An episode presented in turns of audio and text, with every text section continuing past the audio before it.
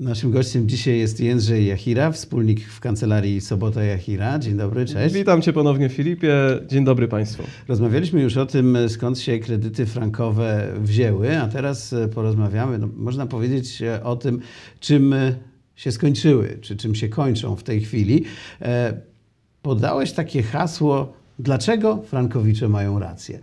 I tutaj będzie to punkt wyjścia, a potem rozbierzemy sobie te poszczególne elementy, które e, w kredytach frankowych się pojawiają, bo tu nie tylko problem jest w tym, że ci słynni frankowicze wzięli kredyty we frankach, bo gdyby to były tylko kredyty walutowe, to może nie byłby to jeszcze taki problem. Chodzi o to, jak one były skonstruowane, jak rozumiem. Dokładnie tak, ale trochę przekornie zacznę od tego, dlaczego nie frankowicze nie mają racji. Utarło się w opinii publicznej przekonanie, że frankowicze wiedzieli, co robią, że wiedzieli, co biorą. Mm, Większość e, osób, z którymi rozmawiam, e, którzy nie mieli do czynienia z takimi kredytami, są przekonani, że frankowicze mieli wybór, a już wiemy po pierwszej audycji, że tego wyboru nie mieli. Bo to przypomnijmy, bo warto, bo nie mieli zdolności kredytowej w złotówkach, a nagle się okazywało magicznie, że mają ją we frankach. Dokładnie prawda? I tak. nie mieli te, tego wyboru. Tak, i ten mit obaliliśmy ostatnio za pierwszym razem podczas naszej audycji. Jest jeszcze kolejny mit, że frankowicze i banki były dokładnie w takiej samej sytuacji, jeżeli chodzi o oblicze kursu franka szwajcarskiego. Czyli w zależności od tego, w jakim kierunku pójdzie frank, to albo bank, albo frankowicz, ewentualnie kredytobiorca w jeszcze innej walucie, chociaż to, jak wiemy, już y, rzadkość, będą y, na równi, na tej samej szali. Ale tak nie było. A dlaczego? Otóż dlatego, że wartość każdej raty nie była uzależniona tylko od kursu franka szwajcarskiego. Ba, tak naprawdę w ogóle nie była uzależniona od tego rynkowego kursu franka szwajcarskiego, dlatego że banki w 99% umów, których udzieliły, miały decydujący wpływ na wysokość tej raty. W jaki sposób? Ano w bardzo prosty. Samo uruchomienie następowało po kursie kupna. Miałem kredyt, otrzymałem oczywiście złotówki, bo nikt franka szwajcarskiego na oczy nie zobaczył. I te złotówki, które otrzymałem, najpierw zostały przeliczone na franki po kursie kupna, kursie już ustalanym przez bank. Wszyscy wiedzą, początku. że jest y, kurs kupna, kurs sprzedaży, NBP publikuje tak zwany kurs y, średni, prawda? Czyli coś między tymi dwoma kursami. I tutaj Dokładnie tak. Klienci tracili, bo kupowali.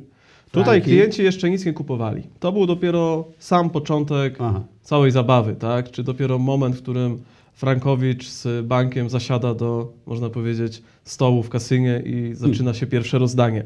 W tym momencie uruchomienie złotówek następowało po kursie kupna franka szwajcarskiego, a więc klient widział najczęściej w kanałach bankowości elektronicznej, ewentualnie mm, w nadciągającym do niego pierwszym listem poleconym wyciągu, ile tych franków się pojawia.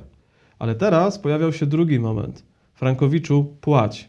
Frankowicz miał płacić przecież w złotówkach.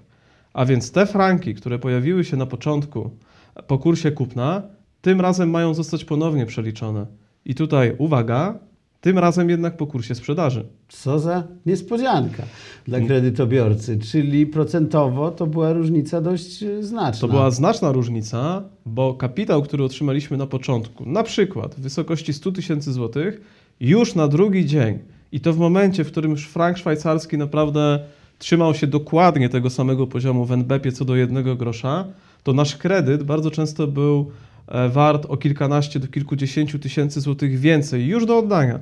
Frank szwajcarski Na samej tej różnicy na samej tej kursu. różnicy, bo i to pierwszego dnia, prawda? Zdecydowanie, bo pamiętajmy, że przeliczenie tej raty miało również skutek, można powiedzieć, sensu largo, również w stosunku do wartości kapitału. Czyli nie tylko rata z tych 100 tysięcy będzie przeliczona po kursie kupna, ale jeśli liczymy sobie wartość kredytu do oddania, który pojawia się na naszym kanale bankowości elektronicznej, to ta wartość tych franków jest przeliczona w całości po kursie sprzedaży. Czyli zamiast 100 tysięcy złotych, które miałem do oddania, nagle mam do oddania 118 tysięcy złotych. Frank szwajcarski, podkreślę to jeszcze raz, jest dokładnie na tym samym poziomie, ale do banku mamy oddać już o 18 tysięcy złotych więcej samego kapitału i już znacznie więcej odsetek, które przecież są liczone od wyższej wartości tego kapitału. Frank dalej jest na tym samym poziomie. I kredytobiorca nie miał tu wpływu i nie mógł raczej negocjować. Kredytobiorca nie miał żadnego wpływu od samego początku do samego końca tej transakcji. Ale może mógł sobie poradzić w taki sprytny sposób, że poszedł do kantoru, kupił te swoje, nie wiem, 500 czy 600 franków, y, które miał oddać i zaniósł w banku w kopercie, tak jak za dawnych czasów. To by było zbyt piękne, żeby było prawdziwe, przynajmniej na samym początku Nie przygody. wiem, co pięknego w kupowaniu franków i noszeniu do banku, ale A, widzę, że w ogromna tego, co się, oszczędność. właśnie, co się wydarzyło, to i tak by było piękne. Tak? To by było piękne, dlatego że przynajmniej przez pierwsze lata spłaty większości kredytów frankowych żaden frankowicz nie miał najmniejszej możliwości, żeby zakupić franka szwajcarskiego w kantorze i spłacać ratę. Abstrahując od tego, że już samo pierwotne przeliczenie e, co do uruchomienia tego kredytu i tak było wadliwe, więc nawet gdyby miał możliwość zakupu tego franka w kantorze, to pamiętajmy, że pierwszy algorytm, który dokonał przeliczenia, był oparty na błędnym założeniu. Błędnym dlatego, że to bank zadecydował o tym, ile tych franków się do oddania pojawi. Tak? Bo Było to był celowe. kredyt, tak w gruncie rzeczy w złotówkach, prawda? To był kredyt typowo y, złotówkowy w sensie Bo wartości przecież- do oddania. Przecież nie umawiał się klient z bankiem, że bierze, nie wiem, 78 tysięcy kredytu e, denominowanego we frankach szwajcarskich, tylko brał na przykład 300 tysięcy złotych polskich albo 280 i tak dalej, prawda? No pewnie, to w tym tak naprawdę tkwi szkopuł całego przedsięwzięcia, że y, właściwie wszyscy frankowicze w Polsce to były osoby, które chciały zainwestować te pieniądze tutaj. Y, Wnioski kredytowe właściwie nie zakładały, że następuje jakiekolwiek uruchomienie franka. Wnioskuję o kwotę w złotówkach. 100, 200, 300 tysięcy w zależności od tego, o co się staram. Wypłata też w złotówkach. Deweloper przecież w akcie notarialnym też mówi o złotówkach. Tak?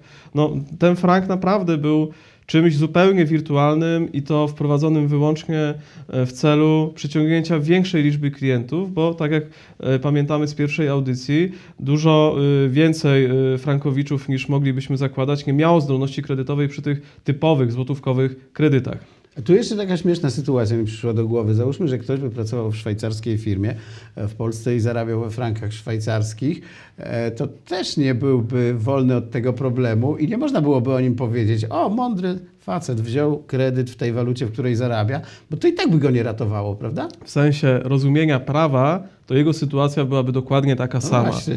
Chociaż oczywiście poziom że- naszego współczucia byłby Mniejszy. mniejszy, dlatego że dla niego no, wiązałoby się to mimo wszystko jednak z spłatą kredytu w walucie, w której zarabia, tak? W tych umowach pojawiały się takie, taka kalka z języka angielskiego, nie jestem fanem, ale dobra, e, klauzule abuzywne, tak? Od abuse, czyli mm, nadużycia. O, tutaj Filipie muszę zaprotestować. Y, Akurat y, abuzywne y, pochodzi z francuskiego, abusive. I to Francuzi stworzyli konstrukcję, tak, oczywiście. Ale w angielsku jest tak samo. Nie? No, pamiętajmy, że dopóki, dopóki można powiedzieć piłka w grze przed II wojną światową, to wszystko, co dobrego działo się w prawie, działo się między innymi w kodeksach napoleońskich i później było kalkowane do innych systemów mm, prawa, ale to Francuzi są odpowiedzialni za konstrukcję abuzywności. U nas tak naprawdę rzeczywiście w języku potocznym przyjęło się sformułowanie abuzywne, ale starając się o delikatny puryzm językowy, e, mówimy o postanowieniach niedozwolonych, czyli takich, Aha. które nie mogą e, funkcjonować w obrocie ze względu na pewne cechy, takie właśnie, jakie pojawiły się w umowach frankowiczów. Co to było? W tym przypadku u frankowiczów y, przede wszystkim brak możliwości negocjowania samego zapisu od początku, czyli osoba, która szła do banku, była postawiona przed faktem dokonanym w przedmiocie wzoru umowy. Otrzymywałem umowę, która była identyczna jak w przypadku wszystkich innych kredytobiorców. Każdy dokładnie dostał to samo. Zmieniały się tylko dane osobowe, wartość kredytu, zabezpieczenie hipoteczne i tyle. I to już wystarczy, ale przecież jak idziemy do sklepu i chcemy kupić pralkę, to też nie negocjujemy To był dopiero- kredytu. To był dopiero początek.